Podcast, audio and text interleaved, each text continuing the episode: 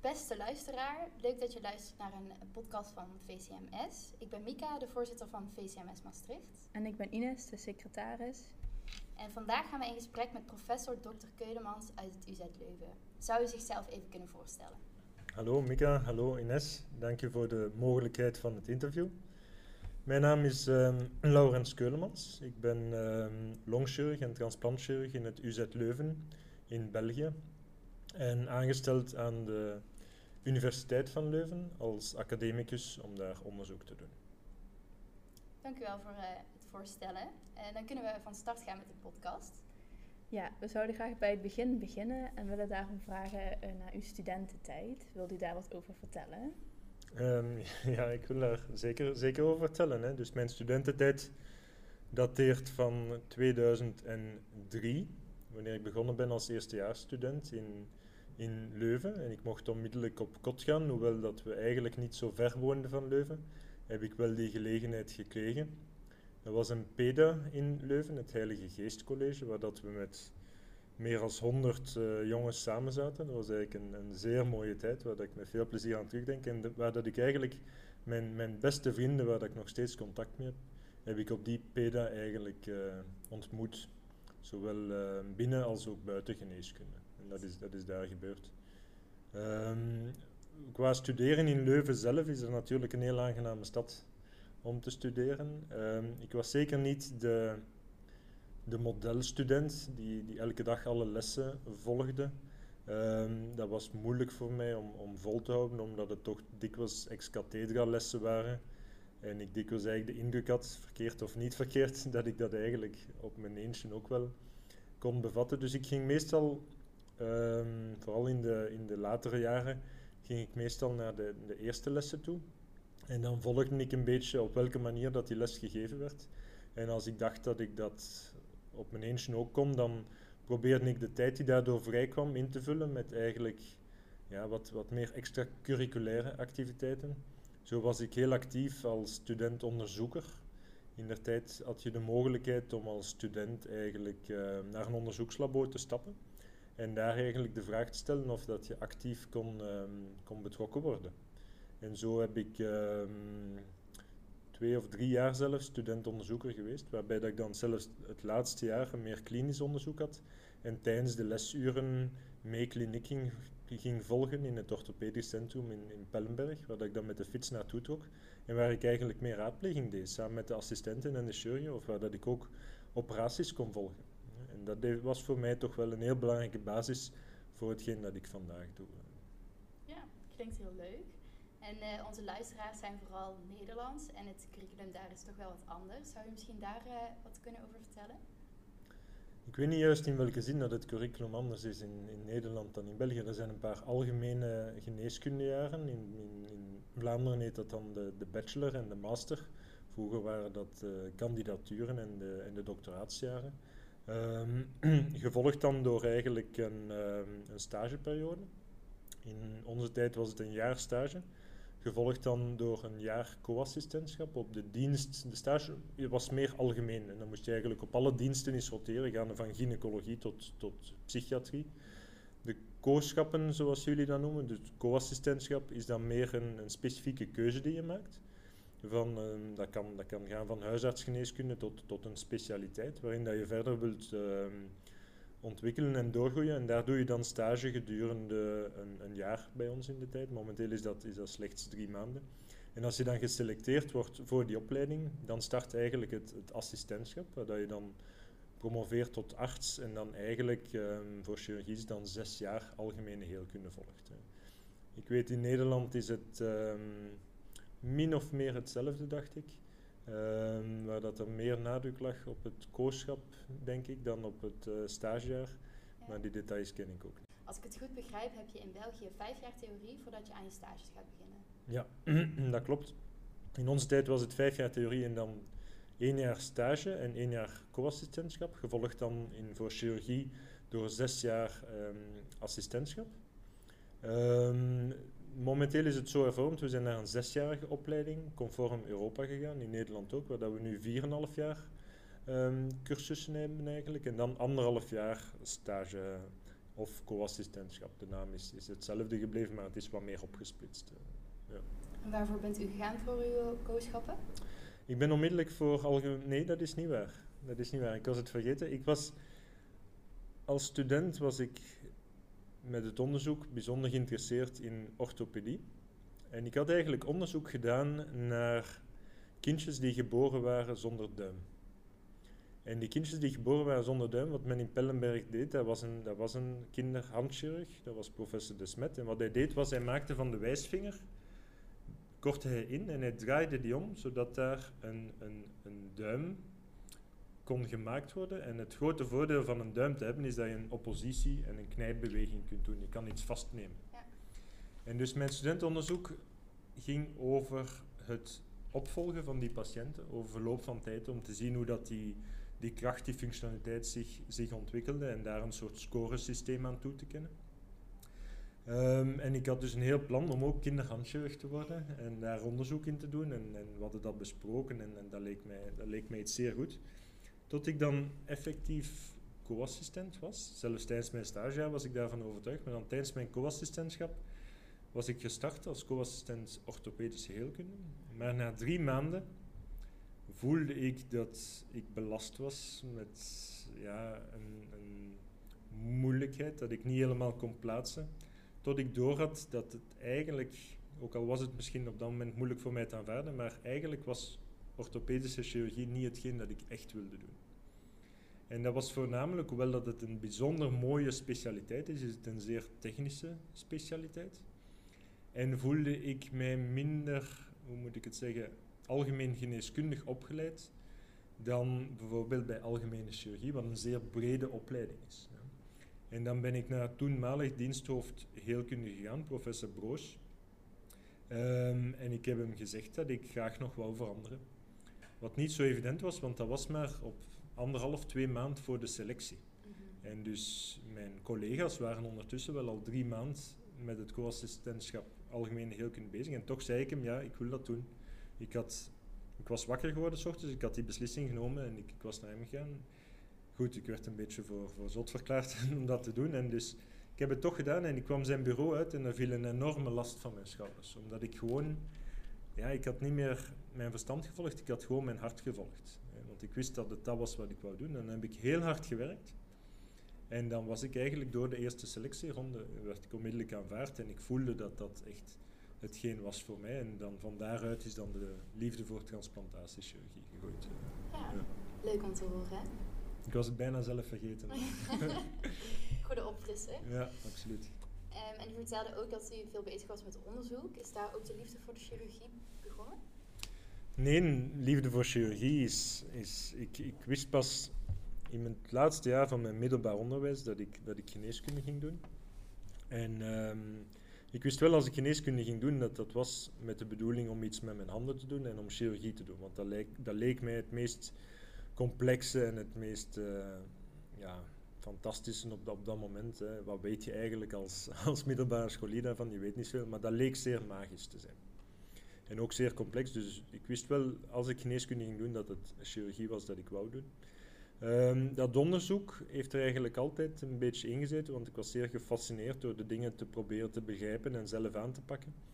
En zo ben ik eigenlijk op het einde van mijn tweede jaar naar een labo gestapt, auditieve neurofysiologie, waarbij dat ik dan in de zomervakantie de kans kreeg om een maand lang ehm, mee een onderzoeksproject te begeleiden dat daar aanwezig was. En dat ging over een kat die wij in slaap deden waarbij dat we de schedel openmaakten en dan een soort mapping deden van de auditieve cortex in de hersenen door verschillende stimuli aan het oor te geven. En ik, mocht, ik had toen ook de gelegenheid om mijn eigen onderzoeks, klein onderzoeksproject op te zetten over woestijnratten, om daar een soortzelfde mapping te doen.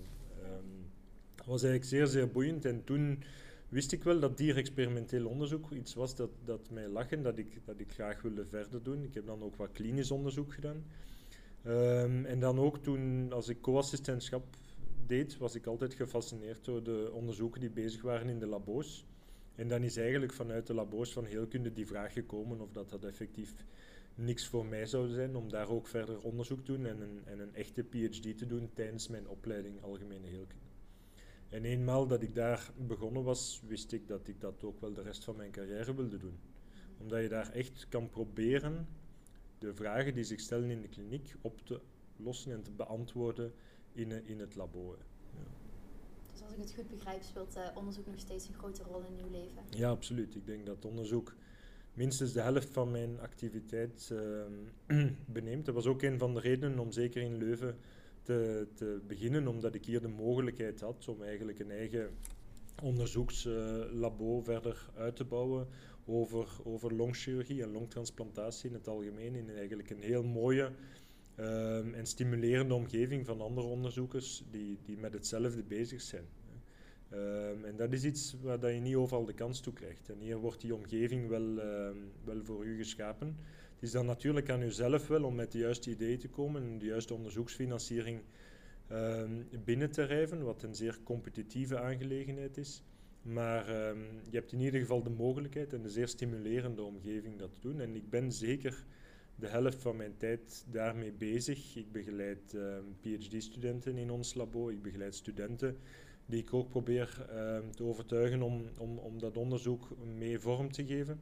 En natuurlijk, naast het onderzoek zelf doen, is het mijn belangrijkste taak van applicaties te schrijven om, om onderzoeksfinanciering uh, binnen te krijgen, om nieuwe ideeën te ontwikkelen, om papers na te kijken en mee te schrijven. En uh, ja, daar ben ik, daar ben ik zeker, zeker um, een belangrijk deel van mijn tijd mee bezig. Uh, ja. ja, leuk om te horen. Um, u haalde het net al even aan, u, heeft, u bent gepromoveerd. En wil u daar wat meer over vertellen? Waar bent u in uh, gepromoveerd? Ja, dus ik was dan aanvaard voor, voor algemene heelkunde. En ik heb dan eerst twee jaar ook effectief algemene heelkunde assistent geweest. In een kleiner ziekenhuis um, in Duffel, waar dat ik ook mijn vrouw heb leren kennen. Um, dus het is goed dat ik die twee jaar algemene heelkunde gedaan heb. En dan kreeg ik de vraag vanuit Leuven om eigenlijk in het labo van professor Piren, wat abdominale transplantatiechirurgie is, om daar onderzoek te doen naar darm. Darmischemie, reperfusieschade en darmtransplantatie in het algemeen. Nu, darmtransplantatie is iets zeer uitzonderlijk. Ik denk dat ongeveer een honderdtal darmtransplantaties per jaar wereldwijd maar gebeuren. Met zeer um, strikte criteria bij mensen met darmfalen. En het leek mij wel iets om, om dat uit te werken in het labo. Um, in een ratmodel werd mij toen gezegd. Kon ik dat verder uitwerken en, en um, ook klinisch darmtransplant uh, meedoen, de patiënten opvolgen en daar meer over weten. Um, ik had ook een fantastische promotor. Dat is ook heel belangrijk, denk ik, als je begint aan een, aan een doctoraatsonderzoek. Dat je begint bij iemand die echt veel ervaring heeft in het domein en die, die u kan begeleiden zoals, zoals het hoort. En, en daar heb ik enorm veel geluk gehad met professor Perrin. Hij heeft mij alle tijd en middelen gegeven om dat ten gronde te doen. En dan heb ik eigenlijk drie jaar in het labo gezeten, maar met toch een belangrijke activiteit ook in de kliniek door zelfstandig prelevatiechirurg te worden, uh, mee te doen met de transplantactiviteiten, levertransplant, niertransplant, uitzonderlijk dan is een darmtransplant. En dan uh, drie jaar um, heb ik dan, ben ik dan terug naar de kliniek gegaan om verder mijn opleiding algemene heelkunde te doen. En dan in 2017, ik was begonnen in 2012 met mijn onderzoek, in januari 2017 ben ik dan gepromoveerd um, binnen dat domein. De titel van dat proefschrift was eigenlijk bijdragen tot het domein van darmischemie, reperfusieschade en darmtransplantatie, waar dat ik een, een tiental papers gebundeld heb die zowel gingen over mijn ratmodel, waar dat we op zoek waren naar nieuwe biomarkers om darminfarct in het licht te stellen, als ook um, behandeling van darmischemie. En dan een aantal klinische studies over darmtransplantatie, nieuwe chirurgische technieken, nieuwe indicaties. En die zijn eigenlijk allemaal gebundeld. En daar was ik wel, wel heel fier op, omdat ik daar echt mijn ding heb kunnen doen. Ja, ja. interessant. En um, u vertelde net dat het heel zeldzaam is eigenlijk, darmtransplantaties wereldwijd. Bent u voor uw PhD ook in het buitenland geweest? En ja. zou u dat uh, aanraden? Absoluut, ik ben in het buitenland geweest. Ik denk dat dat eigenlijk een, uh, een bijna must is voor iedereen die chirurgie gaat doen. Los zelfs van het feit of dat je onderzoek doet of niet, denk ik dat het sowieso een meerwaarde is om eens naar het buitenland te gaan. Gewoon om te zien hoe dat het anders kan. Um, zelf ben ik naar Birmingham geweest, wat een van de grootste transplantcentra in Europa is om daar um, stalen te verzamelen voor onderzoek dat we samen met Maastricht hebben gedaan. Waar dat we naar een bepaald type cel in de darmwand zijn gaan kijken. Ehm, dan ben ik ook in Maastricht geweest om die kleuringen dan op die, op die cellen te doen.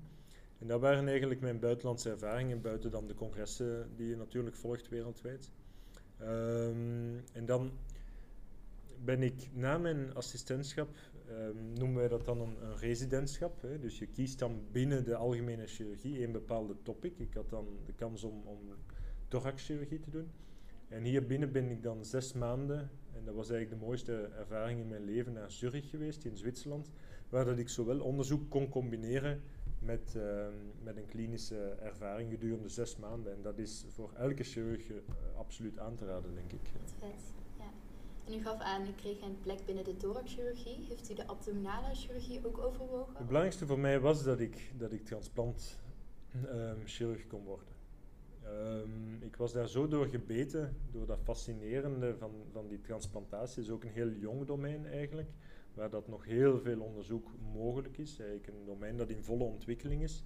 En dat mij ook bijzonder appelleert omdat de, de interactie tussen de verschillende disciplines die met transplantatie te maken hebben. Voor, voor longtransplantatie is dat dan, is dat dan de longartsen en, en de longchirurgen, maar ook de intensivisten, de anesthesisten hoe dat die met elkaar samenwerken, um, vind je minder gemakkelijk terug binnen de vaatchirurgie of de, of de abdominale chirurgie. Dat is echt iets specifiek voor transplantatie, ook omdat ja, dikwijls ook altijd bijna een component onderzoek aan, aan vasthangt. Hè, met dan een, een, immunoloog die betrokken is of, of een uh, infectioloog of, of dergelijke. En, en dus ik wist dat ik transplantchirurg wilde worden. Mhm. En dan kreeg ik de kans om hier longtransplant uh, mij verder te ontwikkelen tot, tot thoraxchirurgie in het algemeen, maar dan vooral de focus op, om, op, op longtransplantatie, want in Leuven hebben wij een van de grootste um, um, centra van longtransplantatie binnen Europa. Dus die kans kreeg ik en ondertussen kreeg ik ook nog de kans van het ziekenhuis om mee het darmtransplantprogramma te ondersteunen en daar ook mijn bijdrage te leveren. Dus dat was eigenlijk een unieke positie, mhm. dat ik zowel nu darmtransplant als longtransplantatie, met dan toch ook algemene longchirurgie, Ehm, te combineren, omdat ik doe naast de transplantatie ook um, de operaties voor patiënten met longvlieskanker. Ja. Ik doe operaties voor mensen met, met COPD, dus ik krijg hier echt, eigenlijk wel echt de gelegenheid om een zeer, zeer gevarieerd programma te doen. Ja, heel divers. Um, en over longtransplantaties gesproken, we hadden natuurlijk deze afspraak al een keer eerder gemaakt en toen bent u met spoed weggeroepen. Um, ik zou het interessant vinden als u daar wat meer uh, over vertelt. Wat heeft u die dag gedaan en uh, hoe zag dat er precies uit? Ja, dus Um, mijn agenda plannen is altijd natuurlijk een beetje in functie van, van mijn wachtsysteem. Ik ben ongeveer 1 op 3 van wacht voor longtransplantatie. 1 op 3, wat betekent dat? 1 op 3 wil zeggen dat je 1 op 3 dagen eigenlijk beschikbaar bent. Dat dat ook geblokkeerd staat in uw agenda om beschikbaar te zijn voor moest er een, een, een long aanbod zijn uh, en een, een longtransplant die daarop volgt, om die dan ook te kunnen uitvoeren.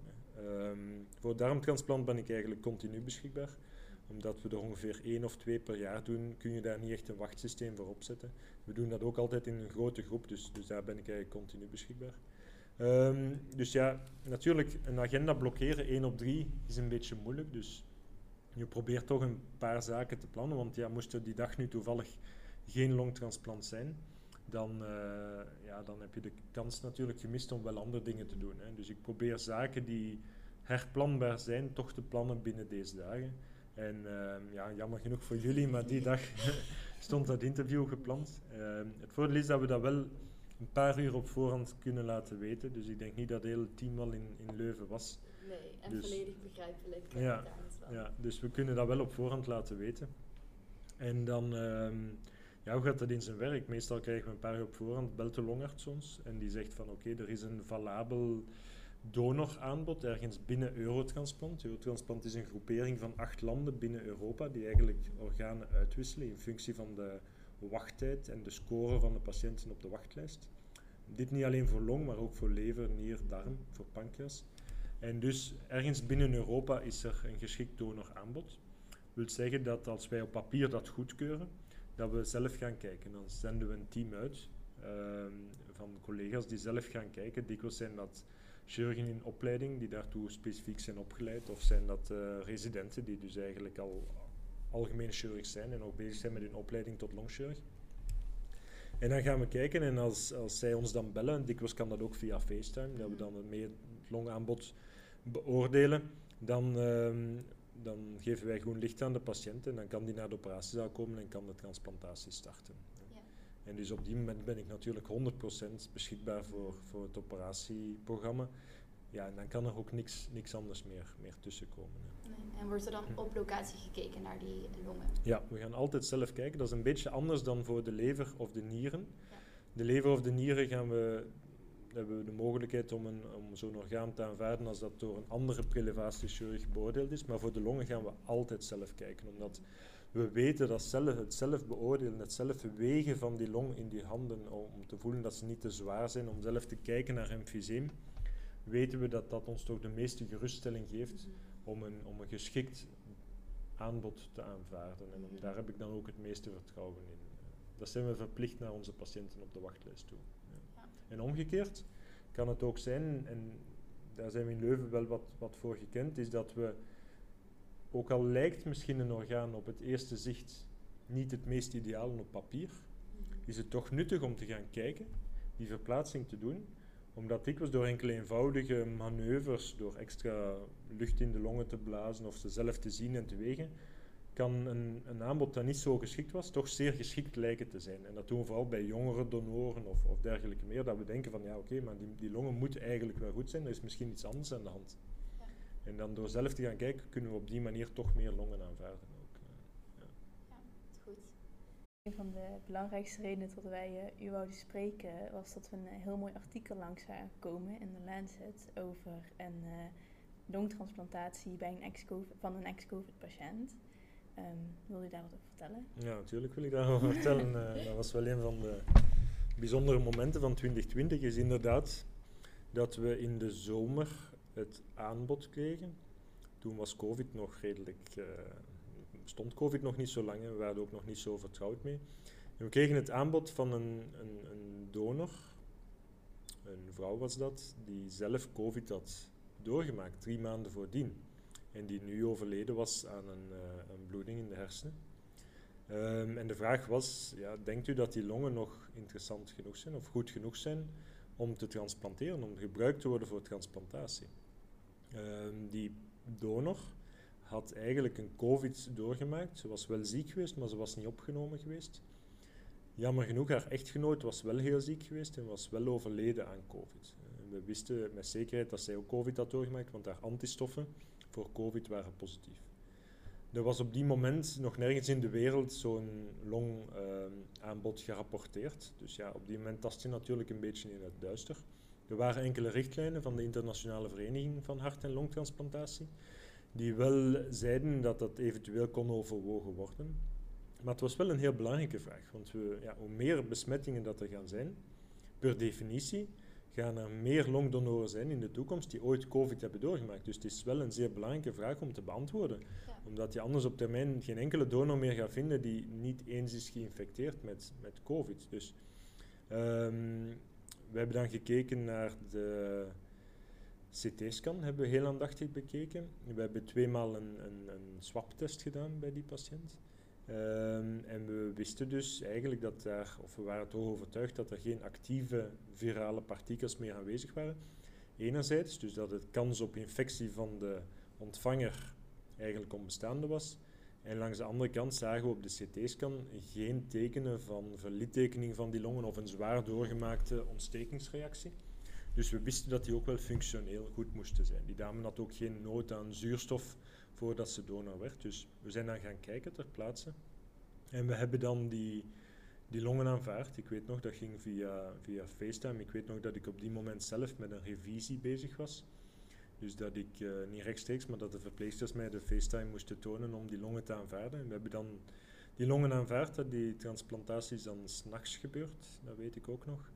Ik heb dan, eh, omwille van het feit dat bij de uitname er een klein luchtlek was ontstaan op die longen, hebben een klein stukje van dat longweefsel moeten eh, afnieten. Ehm, dat was niet de bedoeling, maar ik heb dat dan wel kunnen gebruiken om in het labo verder te onderzoeken. Ehm, die transplant is eigenlijk heel vlot gegaan en die patiënt is op een maand tijd naar huis kunnen gaan. Ehm, we hebben haar dan ook geïnformeerd achteraf over het feit dat ze longen had gekregen van iemand die COVID had doorgemaakt, maar dat we daar het volste vertrouwen in hadden. We hebben ook nooit bij haar ooit COVID kunnen vaststellen. Ehm, dus we hebben het bewijs dat we dat veilig hebben kunnen doen. Ja. Ehm, ik heb dan zes maanden gewacht. Ehm, die patiënt verder opgevolgd, longfuncties gedaan. Ze had een longfunctie van, van 112% wat voor haar eigenlijk zeer, zeer goed was. En dan hebben we dat kunnen publiceren in de Lancet Respiratory Medicine, wat ons toch voldoende ondersteuning en onderbouw gaf om daarmee naar buiten te komen. Om dat, en dan te melden aan de publieke opinie dat we dat gedaan hebben. Wat was de bedoeling om dat te melden? Enerzijds natuurlijk om aan de collega's te zeggen wereldwijd van oké, ja, het kan veilig, hè, overweeg het zeker, gooi ze niet zomaar in de vuilbak. En anderzijds was het ook mijn bedoeling om eigenlijk op dat moment, was dan juist na de tweede golf in België, om op dat moment een, een, een, een, ehm, boodschap, een positieve boodschap, een boodschap van hoop te geven. Dat eigenlijk aan mensen die COVID hebben doorgemaakt, dat uw longen nog voldoende kunnen herstellen om zelfs als longdonor in aanmerking te komen.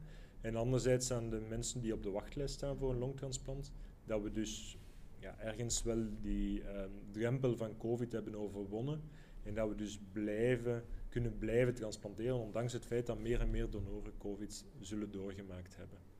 En dat hebben we dan in december um, is dat gepubliceerd en hebben we dat in de media gebracht. Ja heel bijzonder. Um, en nu zagen wij ook uh, nog langskomen dat er een transplantatie is gedaan bij iemand die zelf COVID had, die nieuwe longen heeft gekregen. Dus daar zijn we ook wel heel benieuwd naar.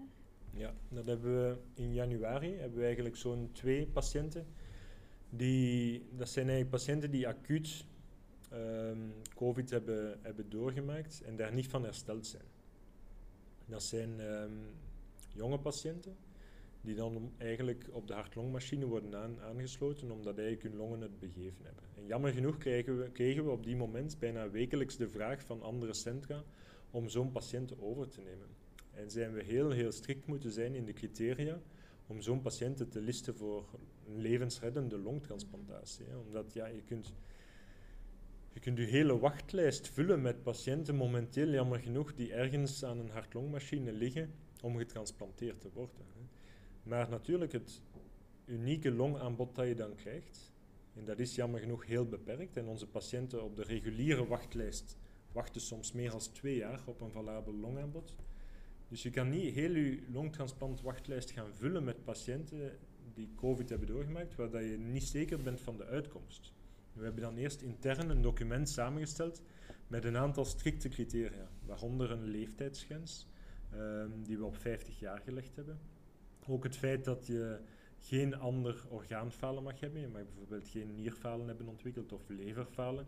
En als je aan die, al die criteria voldoet, dan kunnen we die patiënten in overweging nemen. En zo zijn er momenteel twee die in overweging genomen zijn en waar dat we ook een longaanbod gevonden hebben. En die patiënten hebben we ook kunnen redden door een longtransplantatie.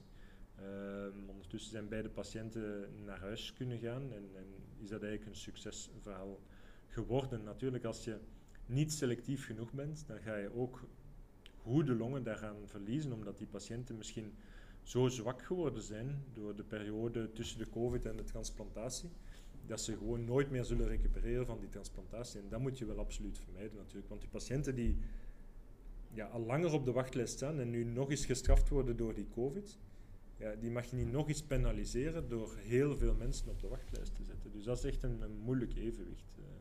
Uh is dat iets wat alleen in Leuven gebeurt? Of is dat ook in andere steden zo? Nee, de, in elk, eigenlijk elk longtransplantcentrum kan dat, uh, kan dat gebeuren. Hè. In, in Europa is het zeker al gebeurd in, uh, in Wenen, dat ik weet. Mm -hmm. Ook uh, in Leuven dan, nog een aantal andere centra. En ook in de Verenigde Staten zijn er een aantal. Ik, als ik nu moet schatten, denk ik dat we wereldwijd tussen 50 en 100 van die patiënten getransplanteerd hebben. Dat zijn de mensen die acuut op de hartlongmachine aangesloten worden. Dan hebben we nu ook iemand op de wachtlijst um, die zo ziek geworden was van COVID, dat hij eigenlijk een verlittekening van die longen heeft, heeft ontwikkeld, een longfibrose. Maar die patiënt is daar wel doorgekomen, maar is ondertussen zuurstofafhankelijk, heeft geen andere comorbiditeit, is gewoon thuis, maar staat wel op de wachtlijst, zoals iemand anders met longfibrose, maar misschien voor een andere reden dan COVID. En dus zo'n patiënten ga je op lange termijn wel meer en meer hebben. Mensen die wel COVID hebben overwonnen, maar toch heel ernstige schade hebben opgelopen. Ja. ja. die verwachten we op de komende twee, drie jaar wel, wel zeker meer en meer op de wachtlijst. Want het heeft gewoon eigenlijk een plek gekregen binnen de longtransplantatiechirurgie, Ja, als, COVID. ja, als nieuwe indicatie eigenlijk. Ja. Ja, absoluut. Ehm, ik kan me voorstellen dat u eh, heel druk bezig bent als longtransplantatiechirurg. Ehm, hoe combineert u dat eigenlijk met uw persoonlijke leven? Kunt u daar wat meer over vertellen? Ja, dat is een heel terechte en belangrijke vraag. Ehm, waarschijnlijk luistert mijn vrouw mee, dus moet ik opletten wat ik nu ga antwoorden. Nee, het is wel zo, longtransplantatie en transplantatie in het algemeen als chirurg wordt aanzien als een, als een job die moeilijk te combineren is met een ehm, sociaal leven of een gezinsleven. Ehm, we hebben daar dan, want ik ben getrouwd, ik heb een echtgenote, zij is zelf ook chirurg.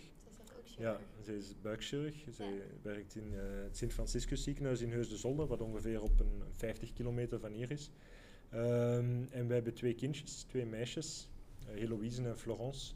Zij zijn nu eh, vijf en half en, en volgende week is de jongste vier jaar oud. Oh, wat twee meisjes.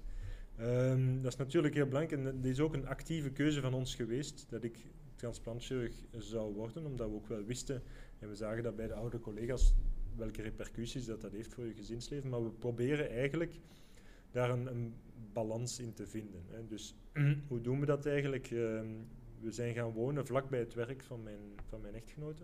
Ja. Zij is ook één op twee van wacht tijdens de week. Dat wil zeggen dat zij oproepbaar is één op twee nachten. Ehm, en abdominale chirurgie, de buikchirurgie, is wel iets waar dat zij onmiddellijk moet ter beschikking kunnen zijn. Stel dat er een oudere patiënt binnenkomt met een mildbloeding, moet zij wel binnen de ja, 10 minuten daar zijn om die mild eruit te halen. Ja. Bij mij is dat iets, iets relatiever, omdat ik natuurlijk gemakkelijk een halve dag op voorhand weet of dat er een eh, transplantatie zit aan te komen. En dat helpt mij wel, dus dat is een beetje contradictoir, maar transplantchirurg zijnde helpt mij wel om mij een beetje meer te organiseren en te plannen op het moment dat er een, een geschikt donoraanbod is. Dus we hebben dan gekozen om vlak bij haar werk te wonen, omdat we denken dat het belangrijk is dat een van de twee zeker tijdens de week ook beschikbaar is voor, voor de kindjes als er, als er thuis iets is. De kindjes gaan daar ook naar school. En ehm, we hebben dan ook een au pair die, die inwoont. Anders is het niet te organiseren, denk ik. Dus ook een avontuur op zich natuurlijk, een au pair hebben die inwoont. Maar, maar dat lukt wel en de, de kindjes eh, ehm, die voelen zich daar heel goed bij. En tijdens de week ben ik eigenlijk niet zoveel thuis. Ik sta op om vijf uur s ochtends en dan, ehm, dan douche ik, ik eet iets en dan om half zes vertrek ik al naar mijn werk. Dat ik hier toe kom rond zes uur voor de film. Ehm, en, dan, en dan kan ik hier rustig werken tot s'avonds 7, 8 uur. En dan ga ik terug naar huis. De kindjes slapen dan al meestal. Ze, krijgen dan nog een knuffel, maar ze slapen meestal. En dan probeer ik in het weekend ehm, echt alle tijd te spenderen aan mijn gezin. Dus ik werk zeer hard ehm, en intensief tijdens de week. Ja. Maar zodoende heb ik wel tijd in het weekend voor, voor mijn gezin. Mhm. En dat is wel een goede balans die ik gevonden heb. Dat was wat zoeken, want in het begin liep dat allemaal door elkaar. Maar nu sinds anderhalf jaar dat we daar wonen, hebben we die balans gevonden. En ik voel me daar zelf ook heel, heel goed bij. Omdat ik voel hoe belangrijk dat het voor mij is om, om met mijn dochters en mijn, mijn gezin bezig te zijn. Om uitstapjes te doen in het weekend.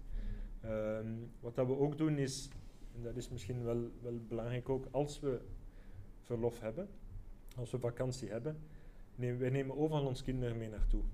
Omdat als we dan verlof hebben, proberen we ook al die tijd samen met hun te, te besteden. Zo was het bijvoorbeeld dat we, de jongste was denk ik ehm één maand of anderhalve maand. En dan hebben we haar gewoon mee op vliegtuig genomen naar Griekenland om een week vakantie te hebben. Ja. Dus we hebben ons daar ook niet te veel vragen bij gesteld. Als je daar nu dan over, achteraf over terugdenkt, we zaten daar ergens zeer afgelegen op de Peloponnesos, op twee uur rijden met de auto van het dichtstbijzijnde het vliegveld of de bewoonbare wereld, dan, dan zou je dat misschien niet doen. Maar op die moment doe je dat en, en we betrekken onze kinderen eigenlijk bij, bij alles. En, en dat is hoe dat wij daar een evenwicht in kunnen vinden. Wat ook inhoudt dat er jammer genoeg minder tijd is om, om, om andere zaken te doen. Maar dat zijn keuzes die je moet maken. Waar ik van overtuigd ben, is dat je niet alles kan doen. Ja, Mhm. je kan niet nog daarbuiten nog kookles volgen en dit en dat. Dus ja, je hobby's zijn, zijn wat minder. Ik heb nu ook een roeimachine gekocht, zodat ik, zodat ik niet naar de fitness moet gaan, maar thuis zelf kan, kan, kan wat bezig zijn met, met fitness of, of, of andere activiteiten. Ehm, om op die manier de tijd in te vullen. Wat ik ook heel graag doe, is in de tuin werken. Ehm, en dan betrek ik ook de, de meisjes daarbij. En dan, eh, meestal lukt dat maar voor een half uur. Maar dan zijn ze toch heel blij als ze mee bloemen kunnen planten of, of het een of het ander. En, ja, dat is een manier die wij gevonden hebben om om dat allemaal te combineren. Want alles, alles gaat niet. Je moet, je moet keuzes maken. En bij ons zijn die keuzes gezin en werk en is daarvoor de rest jammer genoeg minder tijd. Maar goed, dan probeer je dat dan te compenseren door heel veel kwaliteit te leggen Mhm. in ons gezin en werk, wat voor ons beiden zeer, zeer belangrijk is. Ja. Fijn om te horen dat u daar toch een balans in hebt kunnen vinden. Is, vindt u dat voor de toekomst, ziet u dat ook zo?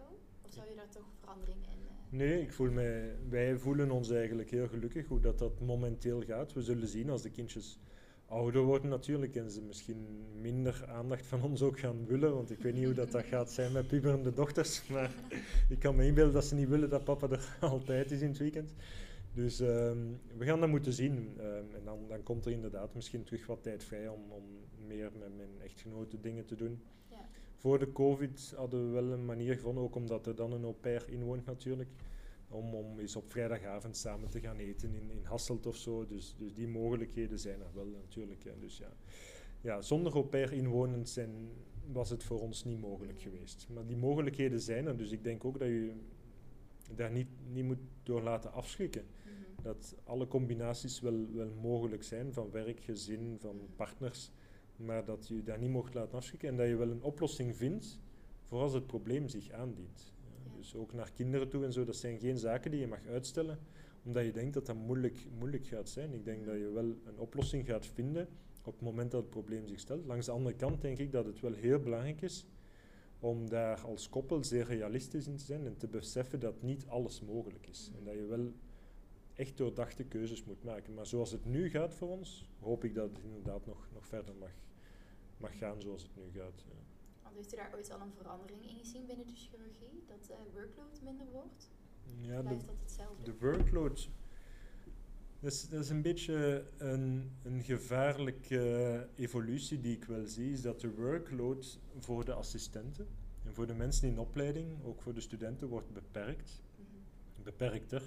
Ehm, met inderdaad, waarover spreken we dan 60 uur weken, 42 uur weken, dus, dus men perkt dat in. Alleen op het moment dat je dan effectief chirurg wordt, ja, dan is dat niet meer zo beperkt. Hè. Dan is het natuurlijk je job doen en zorgen dat alles gedaan is. En, en kun je niet meer zeggen tegen je, je associés van ja, ik ga nu deze week maar 50 uur werken. Chirurgie laat zich niet binnen een bepaald uursbestek definiëren. Hè.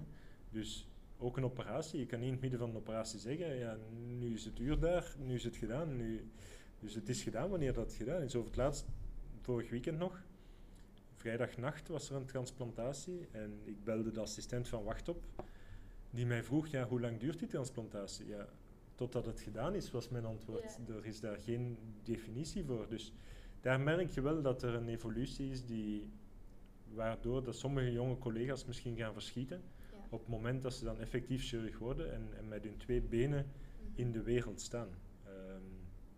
Dat, dat, is, dat is wel een mogelijkheid. Wat ik ook wel merk, is een evolutie naar meer vrouwen in de chirurgie, wat denk ik een zeer positieve evolutie is, omdat zij hun eigen inbreng hebben, omdat zij ook het hele, de, de rol van de vrouw in het gezin en dergelijke, heeft dat ook een positieve trend teweeggebracht om dat binnen de, het mannenbastion van de chirurgie naar voren te brengen, dat er toch inderdaad ook meer tijd moet kunnen zijn Mhm.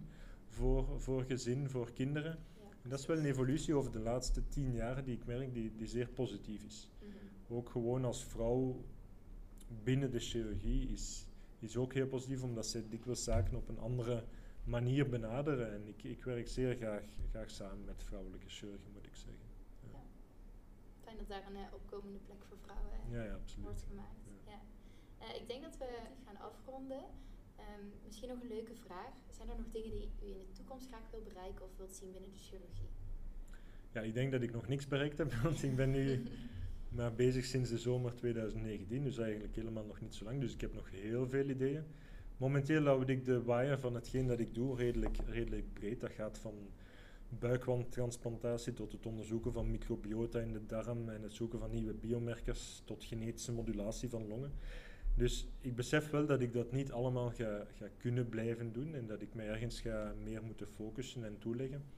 Wat ik hoop de komende 30 jaar in mijn carrière is ergens mee te kunnen bijdragen aan het vinden van een antwoord op de immunologische uitdaging van transplantatie in het algemeen. Ja. Ja. Omdat dat eigenlijk toch in mijn ogen de belangrijkste uitdaging blijft. En dat is het feit dat mensen, patiënten, medicatie moeten nemen om hun afweer te onderdrukken. En het is daar eigenlijk dat je ziet dat de patiënten de kwalijkste gevolgen van, van transplantatie zien. En dat is het feit dat ze nierfalen ontwikkelen, dat ze levensbedreigende infecties ontwikkelen, dat ze tumoren ontwikkelen door het nemen van die immuunsuppressiva. Je maakt van bijvoorbeeld een, chronische longpatiënt, ga je naar een transplantpatiënt. Maar die mensen blijven patiënt en blijven afhankelijk van hun, van hun medicatie. En ik hoop de komende 30 jaar dat we ook daar een antwoord kunnen op vinden en dat ik daar toch um, mijn klein steentje kan bijdragen, naast het mee ontwikkelen van nieuwe chirurgische technieken, nieuwe indicaties. Mhm. Daar hoop ik altijd echt, echt um, mijn steen te kunnen bijdragen. Ja. ja. Okay. Uh, is er nog iets dat u graag aan studenten wil meegeven? Studenten geneeskunde zou ik meegeven dat ze absoluut niet te lang moeten wachten met hun um, passie te volgen. Als ze voelen in zich bijvoorbeeld dat ze getrokken worden tot een bepaald domein of tot een bepaalde topic of tot chirurgie in dit geval, moet je niet per se wachten totdat men het u komt aanbieden. Ik denk dat als, als student dat je zeker je eigen verantwoordelijkheid hebt om je eigen opleiding te maken en dat die zo breed en zo mooi kan zijn als je zelf wilt, zonder dat je daarbij natuurlijk je, je klassieke curriculum um, iets in de weg legt. Maar ik denk dat er wel ruimte moet zijn om, om naar een chirurg, naar een onderzoekslaboratorium te stappen en te zeggen, kijk, ik ben die persoon um, van oké, okay, ik, wil, ik wil graag iets bijleren. Mhm. En, en, kan dat hier? Kan ik iets bijleren? Er zijn, we zijn allemaal zelf student geweest en we zijn ook continu op zoek naar zeer gemotiveerde jonge collega's die, die iets kunnen bijdragen. En ik ben ervan overtuigd dat een student iets kan bijdragen. Het mooie van eigenlijk zeker academisch te werken en met studenten te werken, is dat ik word ouder, ik word elk jaar ouder, maar de studenten blijven altijd even jong. Hè? Mhm. En dus je wordt altijd opnieuw uitgedaagd door nieuwe vragen, nieuwe inzichten. Um, hoe, hoe basis dat die vragen ook zijn, daagt u dat opnieuw altijd uit. En dat is het mooie aan te werken met, met studenten, omdat je altijd opnieuw nieuwe input krijgt. En je daar altijd op ge, um, verplicht wordt van daar op een originele manier op te antwoorden, omdat je misschien tot nieuwe inzichten krijgt. Dus het werken met studenten is ook voor professoren en voor academici een van de redenen waarom dat ze dat doen. Dus als student moet je je niet te dom voelen of te veraf van, van, van, van het verhaal dat zich bezig is. Wat ik denk, wel denk is dat je zeer, u, u zeer bescheiden moet opstellen, omdat je als student ook gewoon nog niks weet. Um, maar zeker durf naar een labo te stappen, naar een professor te mailen, naar een chirurg te stappen en te zeggen, mag ik eens een operatie volgen? En dikwijls komt van het een het ander. En het geeft u ook vroeg in uw opleiding een idee of dat dat wel iets voor u is. Dat is ook heel belangrijk, denk ik. Het is beter van te weten waar dat je aan begint, dan na zes jaar heel kunnen te beseffen, ja, dit was het eigenlijk niet. Maar ondertussen ben je zo hoog opgeleid dat je ook niet veel andere zaken kunt doen. Hè? Dus ik denk dat, het, dat je daar niet vroeg genoeg mee kunt beginnen. En dat is eigenlijk de tip die ik zou, zou willen meegeven. En gemotiveerde studenten zijn altijd welkom om mij eens te mailen of te bellen. Eh. Oké, een leuke boodschap uh, om mee af te sluiten. Dan wil ik u meteen hartelijk danken voor het interessante gesprek dat we hebben gehad. En uh, misschien tot nog een keer. Oké, hartelijk dank aan jullie en heel veel succes. Heel erg bedankt.